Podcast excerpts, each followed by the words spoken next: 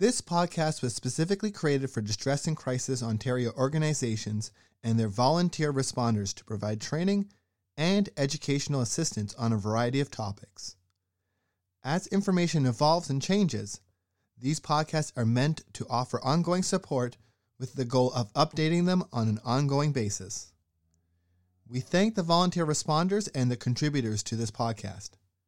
Please visit our website, dcontario.org, for more information and how to access free mental health services. Thank you.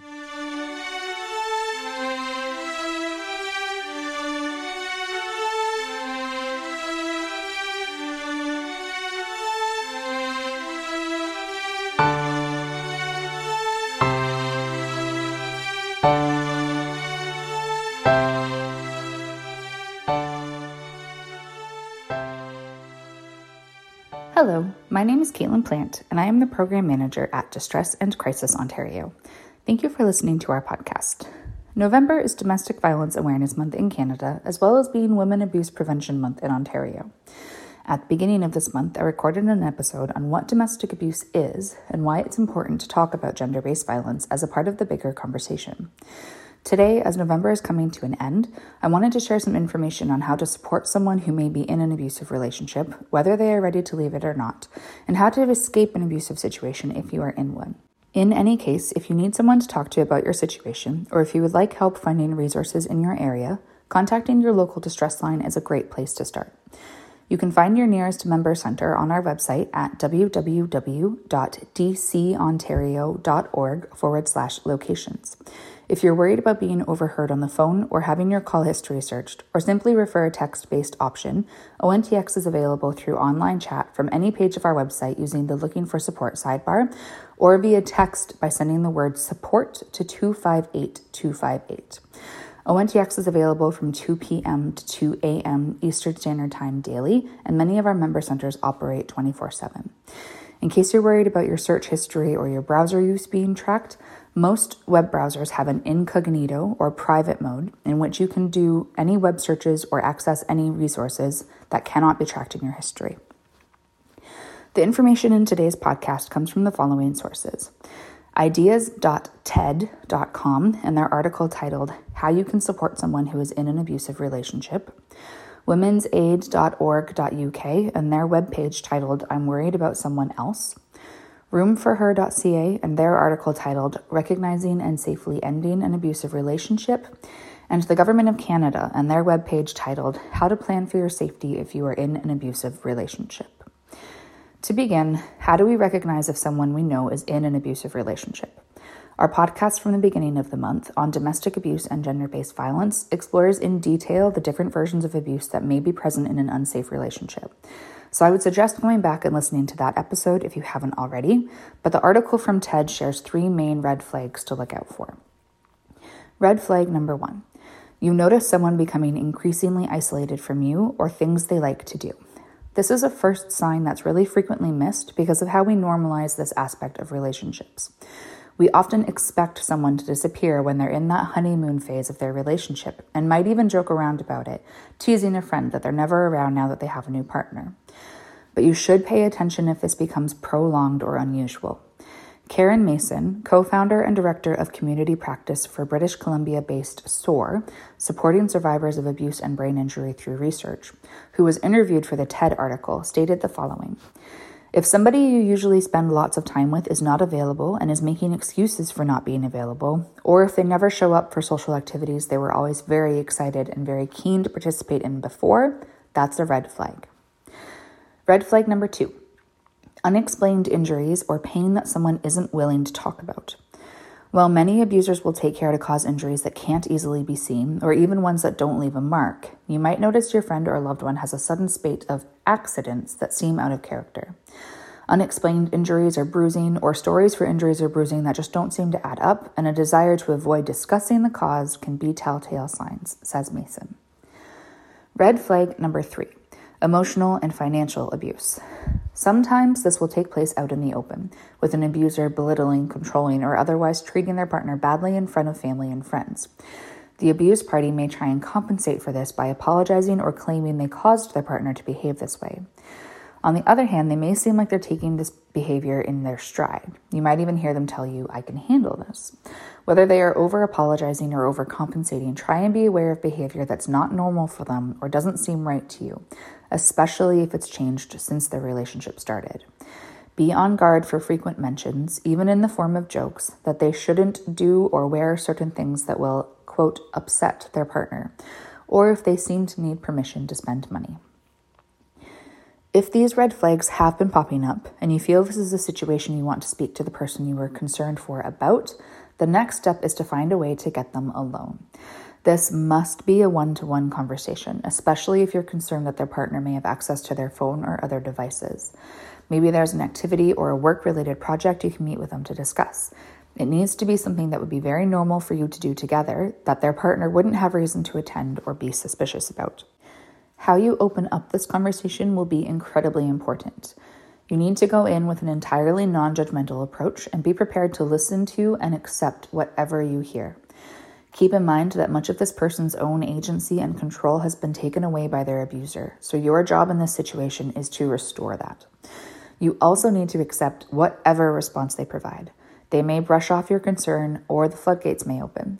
Take their lead and validate their feelings, including the fact that they love their partner. Women's Aid UK suggests the following strategies listen, try to be understanding, and take care not to blame the person for staying in their situation. Tell them they are not alone and that there are many others in the same scenario. Acknowledge that it takes strength to trust someone enough to talk to them about experiencing abuse. Give them time to talk, but don't push them to go into too much detail if they don't want to. Acknowledge that they are in a frightening and very difficult situation. Tell them that no one deserves to be abused, despite what their abuser may have told them. Nothing they do or say can justify the abuser's behavior. Support them as a friend. Encourage them to express their feelings, whatever they are, and allow them to make their own decisions. Don't tell them to leave the relationship if they are not ready to do this. It is their decision. Ask if they've suffered physical harm. If so, offer to go with them to a hospital or to see their doctor. Help report the assault to the police if they choose to do so. Be ready to provide information on organizations that offer help to those in abusive situations and their children if applicable, and explore the available options with them. Plan safe strategies for leaving an abusive relationship. Let them create their own boundaries of what they think is safe and what is not safe. Don't urge them to follow any strategies they express doubt about. Offer them the use of your address and or telephone number to leave information and messages and tell them you will look after an emergency bag for them if they want this. Look after yourself while you are supporting someone through such a difficult and emotional time. Ensure that you do not put yourself into a dangerous situation. For example, do not offer to talk to the abuser about your friend or let yourself be seen by the abuser as a threat to their relationship. If you are supporting someone in your life who knows they're in an abusive situation but continues going back to their abuser, which is likely frustrating to see, Women's Aid UK provides the following additional advice. Unfortunately, unless your friend chooses to take some action and remove themselves from this situation, there's little that you can do. They are only likely to leave and not return if the decision is their own and they don't feel that they are being pushed into doing things they don't want to. Remember that you can't change the situation for them and that you must also look after yourself. Try to understand the reasons that your friend may have for staying in the relationship. They may still love their partner and believe that they'll change. Although it is possible for abusive people to change their behavior, this takes a lot of effort and full acknowledgement that the abuse is their responsibility. Professional help would normally be required for a person to realize that they are abusive, why, and to address their own issues. What normally happens is that the abuse increases in frequency and severity over time. Perhaps you could discuss this with your friend, but remember that you can't force them to realize this. If they continue returning to their partner, it seems that they are still hoping that their partner will change. It's quite normal for someone to attempt to leave an abusive relationship several times before making the final break. They may feel that they couldn't cope on their own. As a result of the abuse, their self esteem is likely to be very low, Often, an abusive person will tell the other person that the abuse is their fault. If somebody is constantly telling you something, eventually you start to believe it. Talk to them about these things and try to understand if they're not ready to leave the relationship just yet. Encourage them to get in touch with a local domestic abuse service as well. This could take some of the pressure off you, as they would then have external help and support and someone else to talk to. They may even find it easier to talk to someone that they don't know.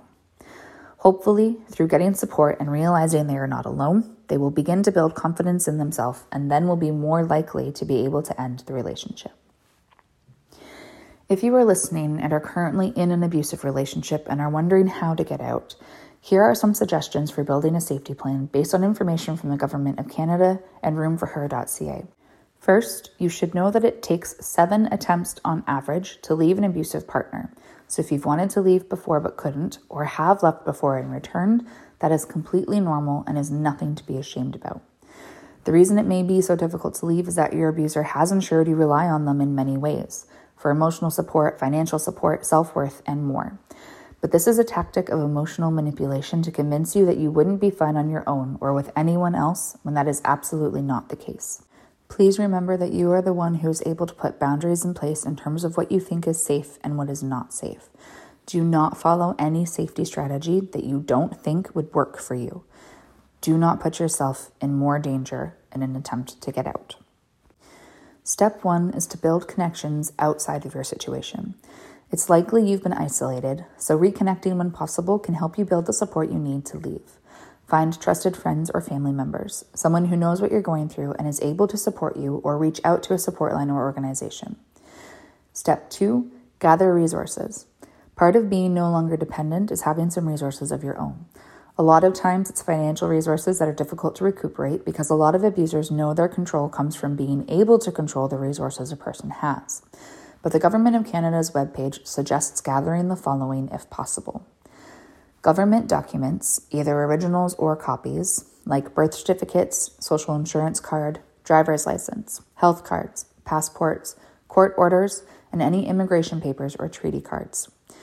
Financial items like a mortgage or lease, information about loans or assets, cash, credit cards, debit cards, checks. Personal items like important phone numbers for friends, services, and shelters. Memorize these if possible. Keys, your phone and laptop, any medications that you take, or a list of them if you don't have time to gather them, and other items such as toiletries, toys, photos, and sentimental items. If you can't keep any of your documents in your home for fear your partner will find them, consider making copies and leave them with someone you trust. Your local women's shelter will also keep them for you. If you have children, consider telling someone you trust at their school or daycare center about the situation and give them copies of all relevant documents. If you have a trusted friend or family member outside of the home, ask if you can store an emergency bag containing personal items and copies of documents with them as well. Step three is to develop a safety plan. This is where having a support network comes into play. Develop code words to use with your family and friends that if you call them and say a particular phrase, they know your situation is bad. Your safety plan should also involve considering how you will get out of the home quickly if things escalate and where you will go. If you have one, park your car backed in the front of your driveway so it's easy to drive away quickly and keep the gas tank full. See if a local shelter can provide you with a cell phone or panic button. Step four is to prepare your children if you have any. Though it might seem better to shield children from this kind of conversation, explaining what's happening can be beneficial to them. In advance, tell your children that abuse is never right, even when someone they love is being abusive. Tell them the abuse isn't your fault or their fault. They did not cause it, and neither did you. Tell them that it's important to keep safe when there is abuse. Teach your children how to get help. Tell them not to get between you and your partner if there is violence. Create a plan to get out of your home safely and practice it with your children. Together, pick a safe place in the house where they can hide if the violence starts ideally with a locked door and a phone. Agree on a code word so they will know when to call for help. In an emergency, teach children how to call the police and stay on the phone until the police arrive. Have them practice saying their full name and address and tell them what to say about the violence. Don't run to the children, as your partner may hurt them as well. Pick a safe place to meet outside so that you can easily find each other. And step five is to do your homework. If you're going to leave, you need somewhere to go. For women and children, there are resources available that include emergency shelters. However, there are fewer resources for men. So, if you are a man in a domestically violent situation, this research stage is even more integral to your safety plan. Call domestic abuse crisis lines for help securing a shelter. The Canadian Centre for Men and Families is also a great resource to check out. You can find them at menandfamilies.org. Above all else, trust yourself. There are so many feelings you might be experiencing if you're in or trying to leave an abusive situation. Know that you are not alone, regardless of how your abuser has made you feel, and how courageous you are to choose to leave a bad situation. Thank you for listening to today's podcast. I genuinely hope that nothing I discussed today is applicable to you or anyone you know, but if it is, I hope that the information provided is helpful. As always, if you need support related to anything mentioned in this episode or with anything else going on in your life, ONTX and our member centers are here for you. Again, you can find your nearest member center by visiting our website at www.dcontario.org forward slash locations. ONTX can be reached via online chat from any page of our website by using the Looking for Support sidebar, or can be reached through text by sending the word support to 258 258. ONTX is available from 2 p.m. to 2 a.m. Eastern Standard Time daily, and many of our member centers operate 24 7. If you would like to provide any feedback on any existing episodes of our podcast or request future content, please do take the time to fill out our feedback form. You can access the form through the link in the show notes of this episode. We would love to hear from you. Thank you again for listening. I hope you have a good week and join us again next time.